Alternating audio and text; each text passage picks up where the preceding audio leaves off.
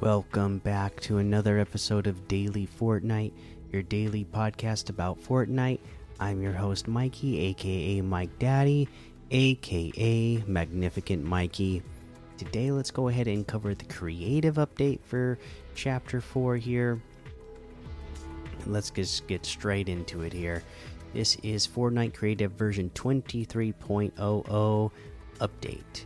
Version 23.0 update brings updated versions of many devices in Creative. Additionally, version 23.00 contains changes to the Battle Royale island and related settings. New ways to customize the end of game messages for your Battle Royale island, the hurdling player movement type, new weapons from Battle Royale, and the Wave Defense Island template, plus bug fixes for prefabs and galleries, devices, and more. Device conversion. The new chapter introduces updated versions of many devices and Creative Toolset. Here are some examples of the improvements. We've improved the UX across all devices. We've improved the UI for selecting colors and entertaining or selecting colors and entering numeric values by adding the color picker flyout and direct entry numeric inputs to devices with those kinds of options. Some updated devices will have additional options or have previous options split into multiple new options to give you more detailed control over the device's behavior. Completely new functionality has been added to some devices. All devices that were previously equipped as traps, for example the sequencer, will instead have a prop version that you can manipulate with the phone tool. The updated devices are currently opt in and can be activated by going to My Island, clicking the Tools tab, and clicking the Convert button next to the Updating Devices option. Like the direct event binding system, these devices these device updates will become mandatory in the future, so we are making the conversion process available early to let you try it out and help us find any remaining issues that need to be resolved ahead of time. Before opting in to the updated devices, you should first create a backup of your island, then convert the device, then convert devices on that backup island. You should thoroughly test the backup island once the devices are converted to make sure everything is working the way you want it to. Once you have completed that testing, then you can safely convert the original island. Note, the list of updated devices is long. The creative documentation team is hard at work updating the devices documents for both direct event binding and the new versions of creative devices. However, both of these are big jobs and it will take some time to completely update all of the documentation. New weapons and player movement from Battle Royale. From the new chapter of Fortnite Battle Royale, there are a number of improvements and changes that have been integrated into Creative. This ranges from addition to of hurdling, a new player movement ability, to visual improvements such as visual effects for fire, certain kinds of chests, damage numbers, and loot drops, to new weapons. See below for more info. The new weapons. Here are the new weapons arriving in creative from Battle Royale Chapter 4 Season 1 the Tactical Pistol, the Twin Mag SMG, Thunder Shotgun, Maven Auto Shotgun, Red Eye Assault Rifle. Do player movement hurdling. Players now automatically hurdle over or onto obstacles when sprinting into them in islands. That will that allow this new player movement. You can turn hurdling on or off using the allow hurdling option in the settings tab of my island and with the class designer or team settings and inventory devices, existing islands have allow hurdling set to off by default. Battle Royale Island updates. New editing area. Welcome to a whole new world.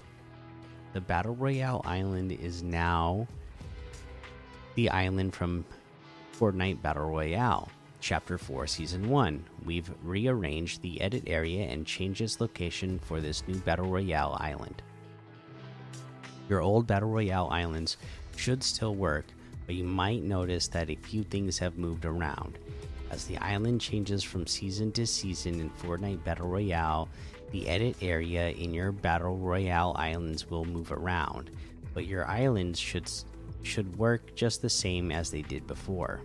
Removed island options for Battle Royale islands. There are a lot of visual upgrades in the new Battle Royale chapter, and some of them would cause problems with some Battle Royale island options. As a result, we've temporarily turned off the following options while we work on getting them to function properly with the updated Battle Royale island in Creative. Time of day, camera filter, light brightness, light color, fog thickness, and fog color.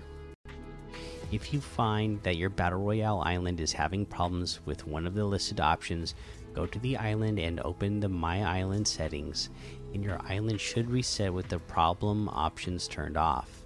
We're working hard to get this fixed, but in the meantime, we look forward to seeing the Battle Royale experiences you create in the new island. Battle Royale Island Endgame Update creators can now select from three options for endgame screen in their Battle Royale islands Classic, Battle Royale, and Custom, which gives you two animations to choose from and allows for customized text, subtext, and colors for the victory and defeat conditions. Other updates they have the island template updates. Learn how to use the conditional button and team settings and inventory devices to create a game where players build up defenses to protect their tower from waves of creatures.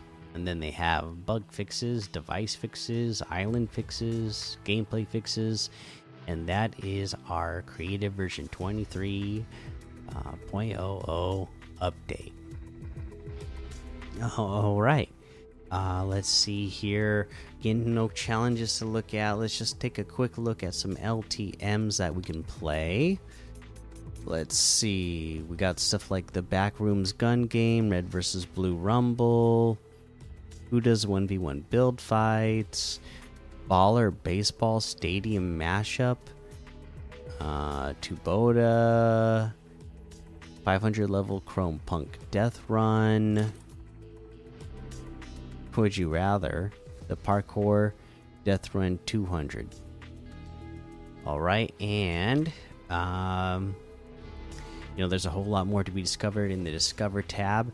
Let's head on over to that item shop now and see what's in the item shop today.